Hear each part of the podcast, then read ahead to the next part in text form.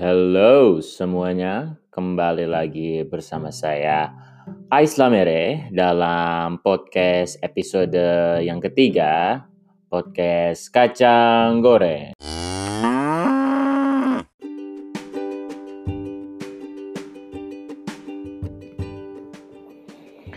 Oke, jadi uh, pembahasan kita hari ini uh, agak sedikit receh dan tidak serius. Uh, seperti yang kalian udah lihat di judul podcast ini, hari ini kita akan membahas khusus tentang karakter-karakter atau tipe-tipe masyarakat yang kita sering jumpai di lantai dansa atau lantai dinsko. Dinsko, lantai disco maksud gue.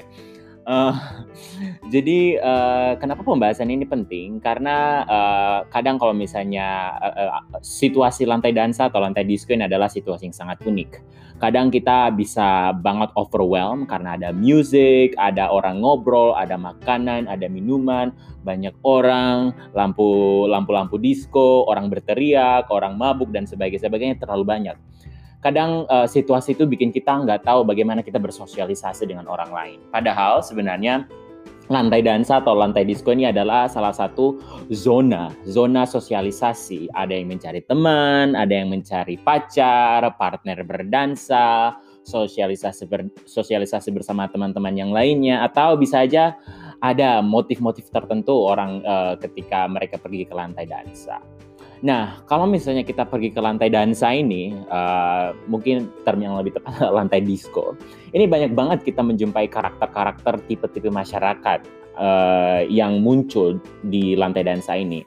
Nah, um, inti jadi aku akan menjelaskan bukan menjelaskan menceritakan ya tipe-tipe yang sering aku jumpai di lantai disco jadi ada tiga tipe masyarakat atau karakter manusia yang sering banget aku jumpai di lantai dansa Nah, uh, tipe-tipe yang aku jelaskan ini tidak terbatas pada waktu, tidak terbatas pada orientasi seksual, tidak terbatas juga pada umur, ras, suku, budaya, tidak juga terbatas pada lokasi. Jadi ini uh, berdasarkan observasi atau pengalaman aku selama aku hidup 24 tahun ini jadi tidak specifically membahas suatu lokasi atau suatu uh, tempat tertentu. Kenapa aku rasa uh, pembahasan ini um, sangat receh tapi juga mempunyai hal yang sangat penting? Karena kebanyakan itu orang merasa pergi ke lantai dansa ini terasosiasi dengan hal-hal yang negatif. Padahal sebenarnya ketika kamu pergi ke lantai dansa atau ketika kamu pergi ke lantai disco, itu adalah salah satu bentuk ekspresi emosi kamu yang dituangkan dalam bentuk gerakan gitu loh. Asik, udah kayak lagu aja. Uh, lagunya apa ya? Ekspresikan diri ya. Nah, uh, jadi tipe-tipe orang atau karakter masyarakat ini uh, yang aku yang akan aku bahas itu sangat inklusif, tidak terbatas atau tidak menuju pada uh, kelompok masyarakat atau daerah tertentu dan tipe-tipe ini aku uh, bagi menjadi tiga tipe utama. Uh, tiga tipe utama, tiga karakter masyarakat. Oke. Okay. Kalian udah siap? Let's go!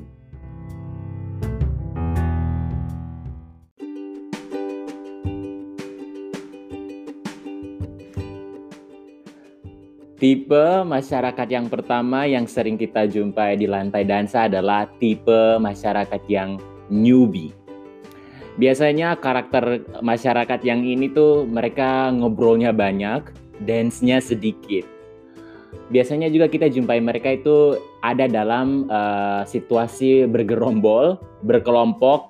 Kalau misalnya mereka ke lantai dansa mereka ngedance-nya bergerombol, beli makannya bergerombol, ke WC juga bergerombol.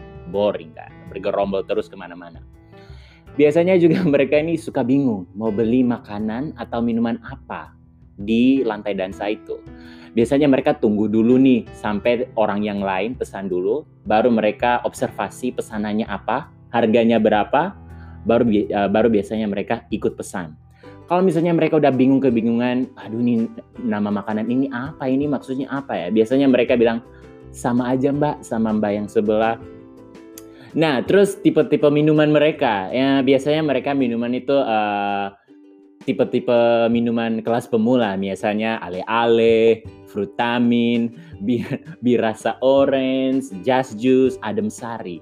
Ini adalah tipe-tipe minuman mereka kalau misalnya uh, pergi ke lantai dansa. Dan ini yang paling lucu, karena aku pernah berada dalam posisi ini juga. Biasanya mereka ke sana itu bawa tasnya gede, gede banget tasnya, besar banget tasnya. Atau kadang tasnya itu kecil, biasanya isinya di dalamnya apa coba? biasanya dalam tas mereka tuh isi botol air minum. oh my god. Um, jadi kadang gitu karena para newbie kan, jadi nggak tahu sebenarnya harus bawa apa dalam tas mereka itu. Gaya dansanya itu seperti mengikuti panduan senam kesehatan jasmani tahun 2004. Kiri, kanan, muka, belakang, geser ke kiri sedikit, geser ke kanan. Begitu saja. Gaya dansa mereka itu seperti gerak jalan atau seperti pelatihan baris berbaris. Kebanyakan waktu mereka itu mereka gunakan untuk benerin rambut, benerin kemeja, benerin baju, main HP, pura-pura minum padahal minumannya udah hampir habis, masih aja mereka pura-pura minum. Nah, kalau misalnya mereka lagi dansa atau mereka lagi mengikuti irama lagu, irama disco, biasanya itu mereka suka banget ngobrol dan obrolannya itu biasanya mereka suka melakukan um, mengirimkan kode-kode atau mengirimkan sinyal-sinyal antara grup mereka gitu loh. Misalnya gini, hey, arah jam 9, arah jam 9, arah jam 12, arah jam 12, baju merah, baju ungu, rambut panjang, bapak tua jenggot tebal, uh, bapak tua yang botak itu, lihat mama tua yang alis ulat bulu itu, laki-laki sebelah kiri, Tanta sebelah kanan, om rambut om rambut pirang, om yang lagi duduk di sofa, tanta baju merah, tanta baju ungu, tanta baju kuning, tanta baju hijau. Jadi mereka ini suka mengirimkan kode-kode antara gerombolan mereka. Jadi mereka observasi terus nih kiri kanan observasi jam 9 ada jam 9 pokoknya gitu deh. Mereka sering banget ngobrol uh, sambil memantau orang-orang. Nah kalau misalnya mereka udah selesai dari lantai disco, selesai dari lantai dansa, mereka pulang. Ini adalah tipe-tipe di mana mereka punya memori yang sangat kuat. Mereka ingat setiap detik, setiap menit, setiap jam, jang, setiap jam yang mereka habiskan di lantai dansa. Dan biasanya di pagi harinya atau hari keesokan harinya mereka bakal ceritakan uh, pengalaman mereka itu ke teman-teman yang lain kayak Oh my god, semalam gue dipegang tangannya sama tanta ini. Oh my god, semalam gue baju gue bersentuhan dengan baju dia. Jadi ya itu tipe-tipe obrolan mereka itu ya kayak karena ini pengalaman baru buat mereka kan, buat tipe-tipe masyarakat ini. Jadi kayak mereka mengingat setiap detik, setiap detik uh, apa namanya yang mereka habiskan di dalam lantai dansa itu seperti apa. Nah, uh, tipe yang kedua adalah tipe-tipe masyarakat atau tipe-tipe manusia yang suka pura-pura tuli. Nah, tipe manusia-manusia seperti ini biasanya mereka ngobrolnya dikit, tapi dance-nya banyak. Nah, tipe masyarakat dalam kategori ini biasanya jam terbang mereka udah tinggi banget. Jam terbang mereka udah tinggi banget. They know how to play the game gitu loh. Biasanya mereka datang sendiri atau paling banyak itu biasanya mereka cuma dua orang, mereka dan teman mereka yang lainnya. They know how to play the game in a dance floor. They know how to dance. Mereka tuh kayak bener-bener tahu gimana gerakan-gerakan dan posisi-posisi yang dansa itu sepertinya bagaimana. Nah, tipe masyarakat kayak ini tuh mereka masyarakat yang sangat ekonomis. Mereka minuman dan makanan mereka itu semua butuh perhitungan biasanya biasanya ya mereka makan dulu sebelum datang ke lantai disco. Mereka minum dulu sebelum datang ke lantai disco. Jadi sampai di lantai disco itu ya itu tinggal joget joget aja. Jadi nggak perlu lagi menghabiskan uang untuk makan minuman yang mahal-mahal. Apalagi kalau misalnya di lantai disco kan makanannya mahal banget coy. Nah tipe minuman mereka itu lebih advance. Mereka udah tahu apa yang mau mereka mau pesan apa dan harganya mereka harganya berapa. Mereka udah tahu biasanya kalau misalnya mereka ke lantai disco mereka pesennya itu itu aja gitu loh karena mereka udah tahu harganya berapa dan biasanya harganya yang uh, murah-murah gitu sih. Nah, kategori masyarakat ini juga biasanya mereka punya misi. Biasanya mereka menjalan mereka melakukan pick up Atau pick up kalau dalam bahasa Ambon itu mereka dibilang bagatal. Biasa mereka bagatal itu biasanya dengan bartender atau yang suka jual minuman atau pelayan atau yang suka jual makanan dan minuman yang ada di lantai di lantai dansa itu. Lalu satu hal yang paling penting dari tipe masyarakat kategori kedua ini adalah ketika mereka di lantai dansa, aduh Tuhan. Jangan bilang lagi, pergerakan fisik mereka itu dari ujung kiri ke ujung kanan, ada gaya salto, ada gaya kayang, ada gaya ulat bulu, pokoknya plafon-plafon mungkin kalau misalnya bisa runtuh itu mereka langsung runtuh dari atas ke bawah. Kalau lantai dansanya itu di lantai 30 mungkin mereka bisa turun disco sampai di lantai satu balik lagi ke lantai 30 dalam waktu satu menit jadi itu masyarakat yang tipe kedua ini mereka sangat apa namanya kalau orang Ambon bilang itu cakadidi mereka ini sangat cakadidi nomor satu cakadidi uh, sama dengan air mendidih kalian tahu kan kalau misalnya air mendidih itu kayak blub blub pokoknya pergerakannya itu tidak terbatas uh, aduh ini logi apa namanya analoginya ini ini banget ya. Uh, ini banget. Uh, alam banget nature banget. Lalu berikutnya. Ketika mereka di lantai dansa itu mereka biasanya merasa kalau dunia ini milik mereka. Mereka tidak peduli kaki mereka mau tendang muka siapa mereka tidak peduli tangan mereka atau mau mau si uh, mau kena siapa mereka udah nggak peduli. Dan mereka juga biasanya so kenal gitu loh ketika di lantai dansa. Ketika di lantai dansa, target-target mereka itu biasanya mereka pengen ngobrol sama anak-anak newbie. Kalau di Amerika, kalau biasanya di Amerika sini mereka biasanya memulai uh, pergerakan, memulai uh, uh, conversationnya itu dengan What's your name? I like your shoes. Nice outfit by the way. Lalu karena biasanya musiknya itu keras, biasanya mereka itu sering banget mengeluarkan kata ini, kalimat ini. I can't hear you. Sorry. Come again.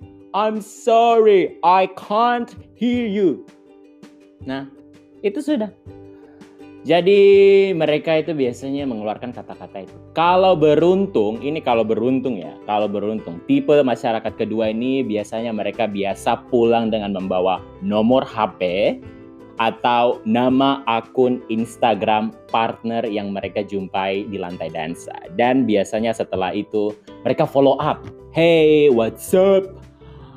You have a great, you are a great dancer last night. Do you wanna grab a coffee? Hmm. Itu sudah. Biasa begitu sudah. Habis dari lantai dansa langsung menjalankan follow up yang sangat agresif. Nah, kalau di Indonesia Timur sana, Tuhan, pick up poinnya itu lebih parah lagi. Pick up poinnya itu begini. Ade, kau tinggal di mana? Kau pu bapak par siapa?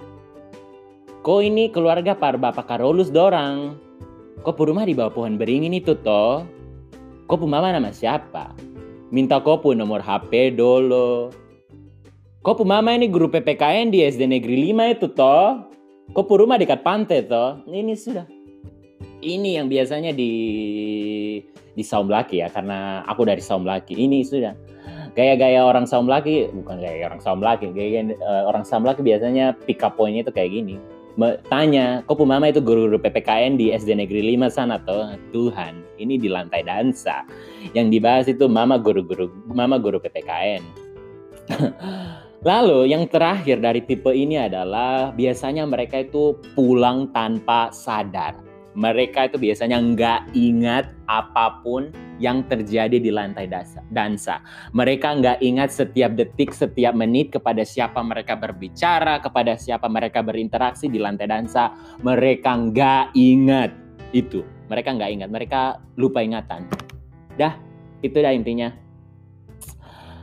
Lalu, tipe yang terakhir, ini adalah tipe yang kelas kakap punya. Apa namanya? Biasanya orang Ambon bilang itu kelas kakap, ini yang kelas-kelas kelas atas sudah ini.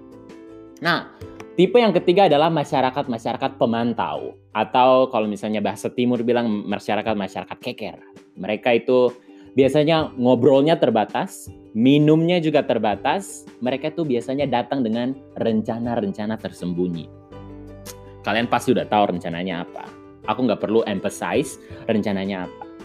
Nah, ini adalah level yang paling atas. Jadi biasanya ketika mereka datang ke lantai dansa atau lantai disco itu mereka sudah tahu apa yang harus mereka lakukan.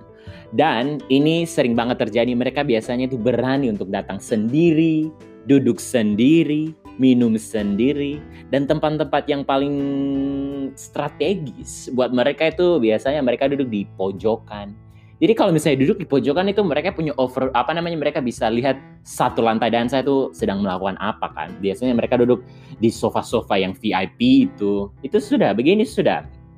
Mereka itu pokoknya secara eksklusif lah intinya gitu. Terus kegiatan yang mereka lakukan itu apa? Mereka pantau, mereka keker siapa saja yang mereka bisa bungkus bawa pulang um, mereka biasanya memulai jadi stepnya itu adalah seperti ini. Biasanya mereka datang, mereka pasang target dulu, pasang target. Oh, laki-laki baju hitam. Oh, mama tua baju merah. Oh, yang lagi duduk di sofa itu. Mereka pasang target dan biasanya target mereka itu uh, uh, uh, satu fokus gitu, terfokus gitu loh. Nggak kayak 10 orang target mereka tuh nggak 10 orang. Biasanya satu atau dua atau tiga gitu. Lalu ketika mereka udah pasang target, mereka mendekati. Hmm, mendekati ini Tuhan. Kau jangan bilang lagi. Ketika mereka mendekati, biasanya ini yang mereka mulai dalam percakapan mereka. Hey, tell me more about your tattoo. Are you here alone? Terus mereka biasanya lanjut lagi. You are a great dancer. I saw you from the corner. Lalu ini yang sangat ekstrim. Biasanya mereka datang berbicara sama orang ini langsung mereka tanya begini. What's your plan for tonight? Kan? Bayangkan. Jadi biasanya mereka langsung straight to the point kayak Hey, I want this. I want that. Gua mau ini, gua mau itu. Kira-kira kita ada di uh, apa namanya ketertarikan yang sama nggak? Nah, biasanya tipe-tipe makanan atau minuman mereka itu ya tipe-tipe kelas kakap begitu yang mahal-mahal kayak uh, alkohol-alkohol yang mahal misalnya whisky atau aku nggak tahu karena aku nggak punya uang untuk beli eh, tipe-tipe uh, minuman yang mahal itu. Nah, tipe-tipe orang ini kalau gagal, kalau gagal nih ya, mereka biasanya pasang target baru. Jadi ya kalau nggak beruntung ya otomatis harus pindah target toh. Nah, uh, mulai lagi dari awal. Setting up target, susun rencana, mendekati lagi, aduh, setengah mati. Kalau misalnya mereka beruntung, biasanya mereka pulang dengan membawa seseorang. Kalau misalnya mereka tidak beruntung, mereka akan pulang sendiri dan tidak menjadi masalah buat mereka gitu loh. Kalau misalnya mereka mereka nggak terlalu uh, apa namanya, nggak terlalu menganggap itu sebagai sesuatu hal yang besar ketika mereka pulang sendiri atau mereka pulang dengan orang lain. Oke. Okay. Jadi ya seperti itulah. Jadi tipe-tipe ini adalah tipe-tipe masyarakat yang aku kategorisasikan, kategorisasikan, aku uh, klasifikasikan dalam tiga um, apa namanya tiga ember ini, tiga kategori ini dan pertanyaannya tipe apakah kalian? Apakah kalian tipe newbie ataukah kalian tipe orang yang pura-pura tuli ataukah kalian tipe pemantau? Kasih tahu aku kalian tipe apa dan uh, karena aku penasaran kalian tipe apa dan aku harap semoga konten ini uh, apa namanya bisa memberikan hiburan kalian di tengah badai coronavirus 2019 coronavirus 19 ini dan Uh, semoga kalian terhibur dan tetap uh, produktif, tetap jaga situasi dan kondisi mental dan fisik kalian, tetap melakukan social distancing, dan sampai jumpa di episode berikutnya. Dan selamat beraktivitas, semoga terhibur. Bye.